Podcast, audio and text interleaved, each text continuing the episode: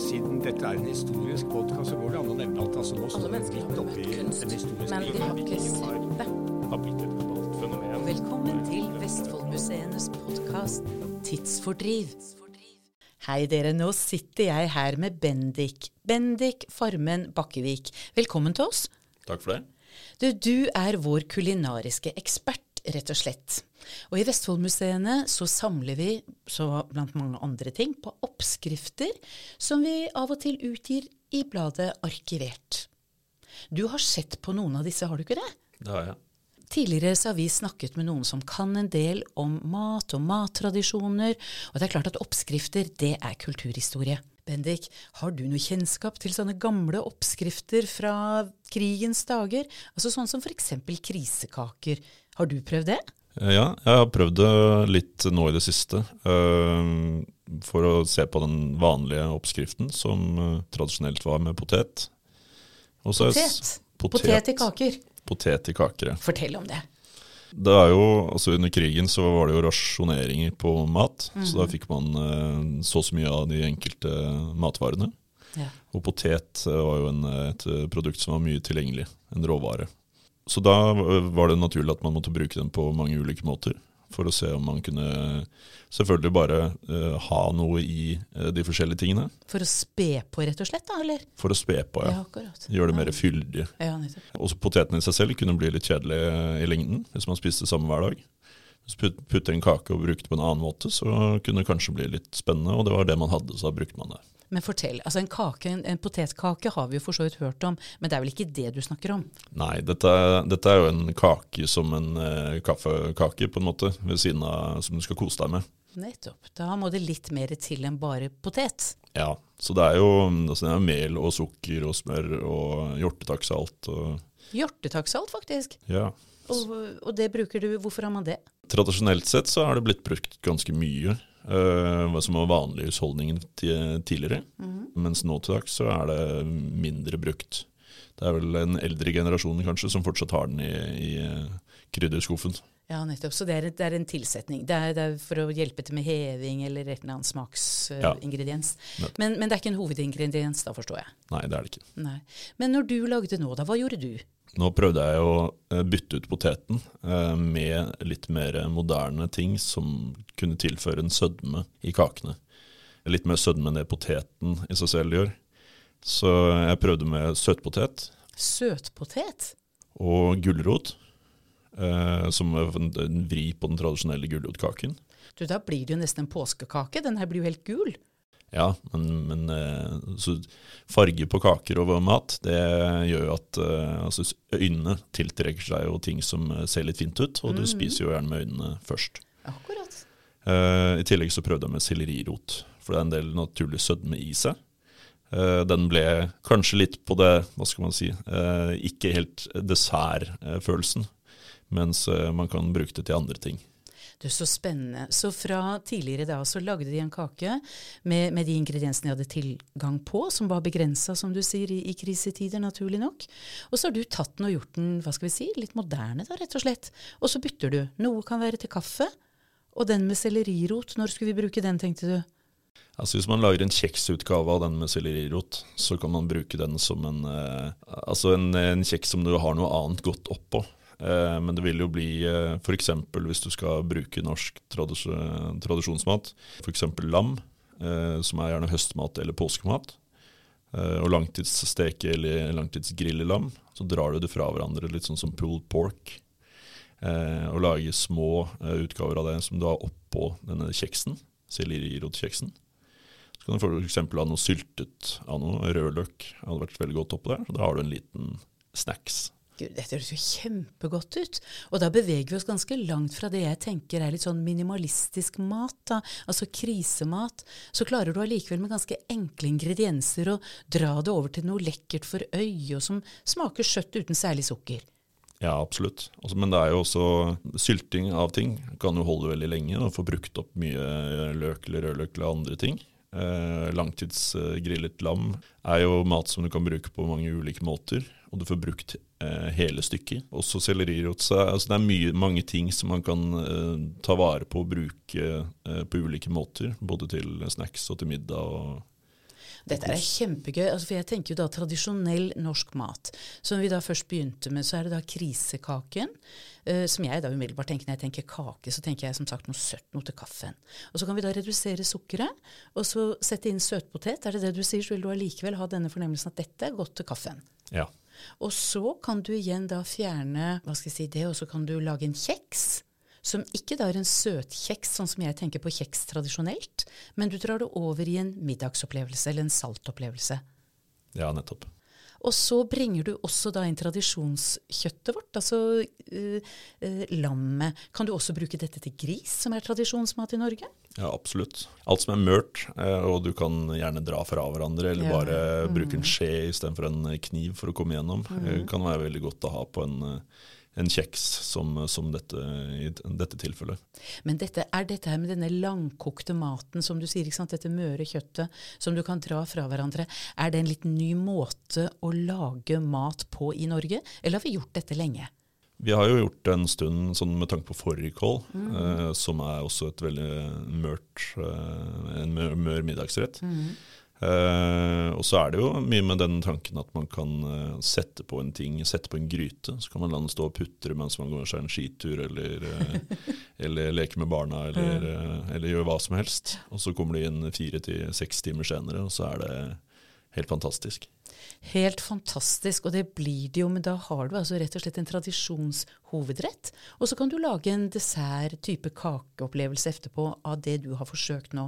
Men fortell meg en gang til. Du lagde altså en kake hvor du satte til søtpotet i stedet for potet, men du hadde alle de andre ingrediensene med, hadde du det?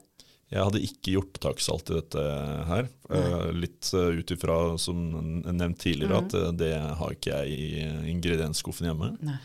Eh, jeg kuttet ut sukkeret Akkurat. eh, fordi det er en mye naturlig sødme i søtpoteten. Okay. Hvis man skulle være usikker på det, så har jeg en treåring som, uh, som syntes at dette var så godt at hun kunne spise det som snacks både til, eh, på kvelden og til frokost. Og jeg da kunne gi henne med God samvittighet, rett og slett. Ikke sant? Ja, nettopp. Ja, ja, Ikke sant? Eh, Så selv om vi da ikke sant, tenker kake er noe vi koser oss med, og som er litt sånn ekstra og i en nøysom eller en litt sånn, hva skal vi si, måteholden diett, da? Så, kanskje, så tenker man at nei, dette her kan man ha, tenker du. Absolutt. Jeg syns det var eh, kjempegøy å prøve, og ville gjøre det igjen. Og det er jo, altså Når du tester det ut på barn, så får du jo et ærlig svar. Er det godt, eller er det ikke godt? Definitivt. Det var, eh, hun smakte også på denne med sellerirot. Ja. Eh, Jeg var ikke så fan av den, Nei. men eh, når jeg forklarte tanken med hva man kunne putte oppå, så eh, det hjalp ikke så veldig mye. Men alle andre som var da litt eldre, syntes jo det var en veldig god idé. Men har dette noe med forventning å gjøre, tror du? Jeg mener, Det øyeblikk vi sier kake, så har i hvert fall jeg da som sagt en referanse på noe søtlig. Men hvis du da sier kjeks, og så serverer du noe som er mer salt, kanskje forventningen hadde noe med det å gjøre? Ja, det tror jeg absolutt. Eh, Men hvis jeg f.eks. hadde lagd eh, det med brokkoli, Mhm. som også ville vært en salt eh, kjeks på mange måter, men ikke hadde presentert det som en brokkolikjeks, men en grønn kjeks Ja, til et barn, Ja, ja. så tror jeg fort at barnet kunne spist det. Bare fordi sant? fargen i seg selv er gøy. Ja, så Der er du jo nettopp inne på, det, på hvordan kommuniserer vi, hva er forventningene om hva vi skal få. Og Det er jo kjempespennende hvordan du da kan ta tradisjonelle oppskrifter fra arkivene våre, og bare med små forandringer, med ressurser eller tilgang da, som vi har her i Norge. Men søtpotet, vi har jo ikke hatt det så lenge. Nei, vi har ikke det.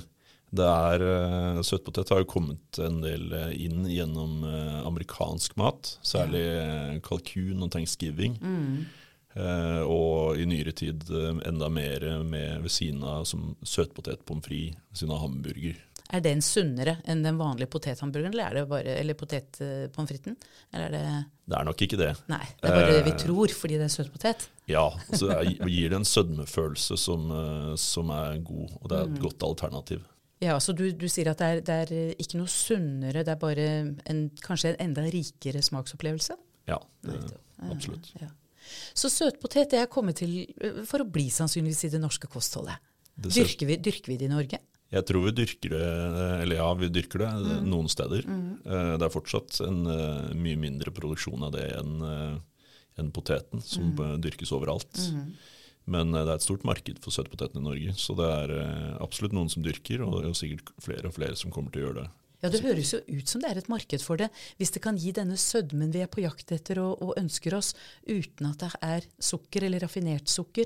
Men kunne vi brukt honning i stedet? Ja, absolutt. Da hadde du fått altså, mer da, sukkerdelen. Ja, ikke sant. Eh, men honning er godt eh, Hvis du hadde hatt fortsatt kjørt med potet, Mm.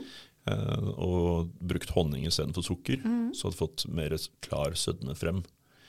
Eh, men med vanlig potet eh, så ville det vært noe tørrere følelse, så du måtte hatt mer sødme, eller mer fuktighet, for at kaken skulle blitt bløt nok. Ja, ikke sant? for det vil vi at den skal være. Vi liker jo ikke tørre kaker hvis vi liksom forventer en god kakesmak. Så, så søtpoteten har mer fukt i seg også. Det er jo en fantastisk ingrediens, høres det ut som. Den er veldig fin, absolutt. Og du kan bruke den da både til søte opplevelser og som et tilskudd til vanlige salte middagsretter. Ja, nettopp. Akkurat. Det her er det mye å lære, altså.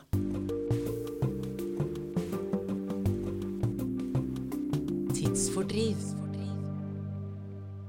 Nå har vi snakka mye om kake, Bendik, og det er kanskje fordi jeg er så glad i kaker. Men du har også vært inne på dette med krisekjeks og ingredienser. Du snakket om brokkoli, og du snakket om sellerirot, tror jeg.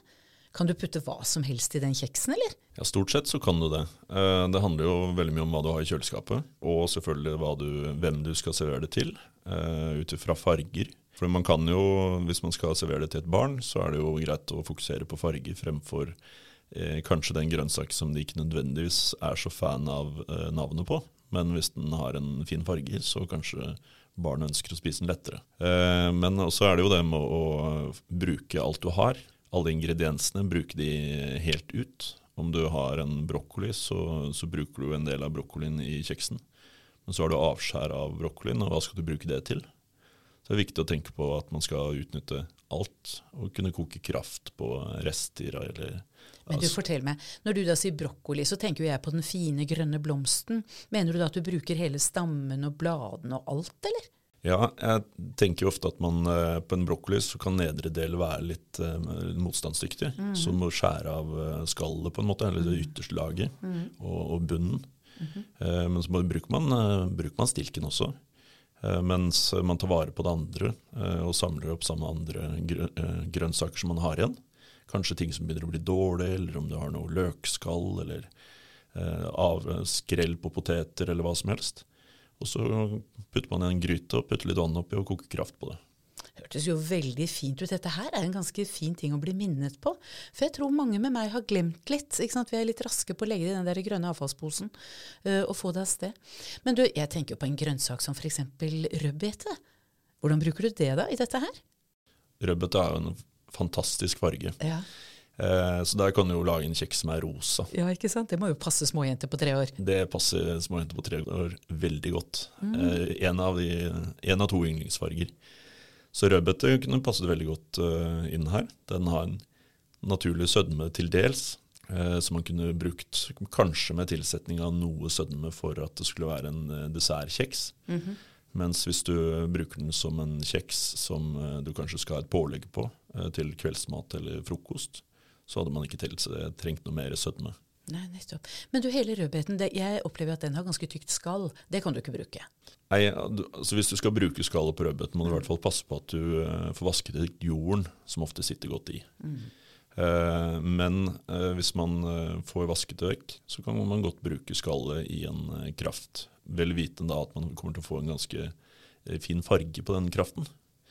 Så da er det jo litt med hva du ønsker å bruke den til, om det er i en suppe eller eh, om du Altså i bortsj, for eksempel, som Ja, er sånn den russiske, russisk. ja. Ja, ikke sant? Så, så det er jo mye med smak. eh, Smaksopplevelsen er jo også mye med fargen og hvordan det ser ut eh, visuelt. Så hvis du har en kraft som er svakt rosa, så kanskje du vil ha et element oppi som har litt kontraster til det. Så alt handler jo om smak og syn. Eller syn er en viktig ting, i hvert fall i matverden. Ja, det har du jo nevnt før, at det er noe med å appellere til sansene. At du har en totalopplevelse, ikke sant? at det er noe positivt ved dette. Og mat samler jo mennesker, så det er jo altså, det er en viktig, viktig ting i livet. Men hvordan ble du så interessert i mat? Det begynte egentlig ganske tidlig. Eh, Da jeg var liten, så hadde jeg lyst til å bli baker. Så jeg kledde meg ut som baker når vi hadde et eh, karneval. Men så fulgte jeg den eh, Altså, den Normen i familien min var ikke nødvendigvis den, eh, den uh, utdanningen som var innenfor uh, innenfor enkelte fag, uh, altså i den praktiske fag, da. Så jeg prøvde jo å studere. Jeg gikk allmennfaglig først, og så studerte jeg litt politikk, som var litt sånn familiær tankegang. Mens jeg studerte, så jobbet jeg som servitør på en restaurant i Kristiansand, hvor jeg syntes det var veldig inspirerende å se på kokkene jobbe. Akkurat. Så etter et års studium så spurte jeg der om jeg kunne bli lærling eh, voksenlærling, da, som det var, da var. Så fikk jeg være det. Så ble jeg eh, kokkelærling i to og et halvt år. Det er litt mer tid når man, er, eh, når man ikke har eh, skolegangen fra, kokke, fra kokkelinja. Det er jo en litt overgang, da vil jeg si. Hva, hva sa de gamle der hjemme da? Jeg mener, De trodde de skulle få en statsviter, og så fikk de en kokk? Min far, eh, Trond Bakkevik, han eh, var veldig fornøyd med at jeg fant ut noe jeg hadde lyst til å gjøre. Så positivt og fint. Veldig positivt. Så det var vel det at jeg hadde studert eh, litt halvveis politikk i et år, og hadde prøvd meg på religion i et halvt år. Mest for å få kunnskapen om ting. Eh, mens eh, dette var noe jeg brant for. Så jeg gikk inn som lærling og var det i to og et halvt år, og tok fagbrevet. Eh, og har jobbet med mat og drikke i eh, mat- og utelivs... eller restaurant- og utelivsbransjen. Og nå er du i museum, faktisk. Nå er jeg i museum. Det er jo noe med at alt henger sammen med alt, som folk sier. ikke sant? Og da har vi altså politikk, vi har religion, og vi samles rundt et bord, og vi bærer tradisjoner videre. Det er kanskje ikke så langt unna likevel. Tusen takk for at du kom til oss, Bendik, og vi gleder oss til fortsettelsen, hvor du skal lære om nye, gamle oppskrifter. Takk skal du ha, Bendik. Takk for uh, å kunne være her. Om det du har hørt nå gjør at du har lyst til å prøve å lage krisekake, så er oppskriften 250 gram hvetemel, og da uten kritt, dere. 200 gram knuste poteter. 60 gram smør. 4 gram sukker, eller farin som de sa i gamle dager. 3 spiseskje melk. Og da kan du helt sikkert velge hvilken type du vil selv. Og så til slutt fire teskjeer hjortetakksalt. Du finner det i de gule plastboksene i butikken. Dette kan du steke på 150 grader i ca. 10 minutter. God fornøyelse. Tidsfordriv er en podkast fra Vestfoldmuseene og er laget av produsent Susann Melleby, lydtekniker Jon Anders Øyrud Bjerva og meg, Ellen Asplin. Ønsker du å kontakte oss? Send en e-post til kommunikasjon at vestfoldmuseene.no.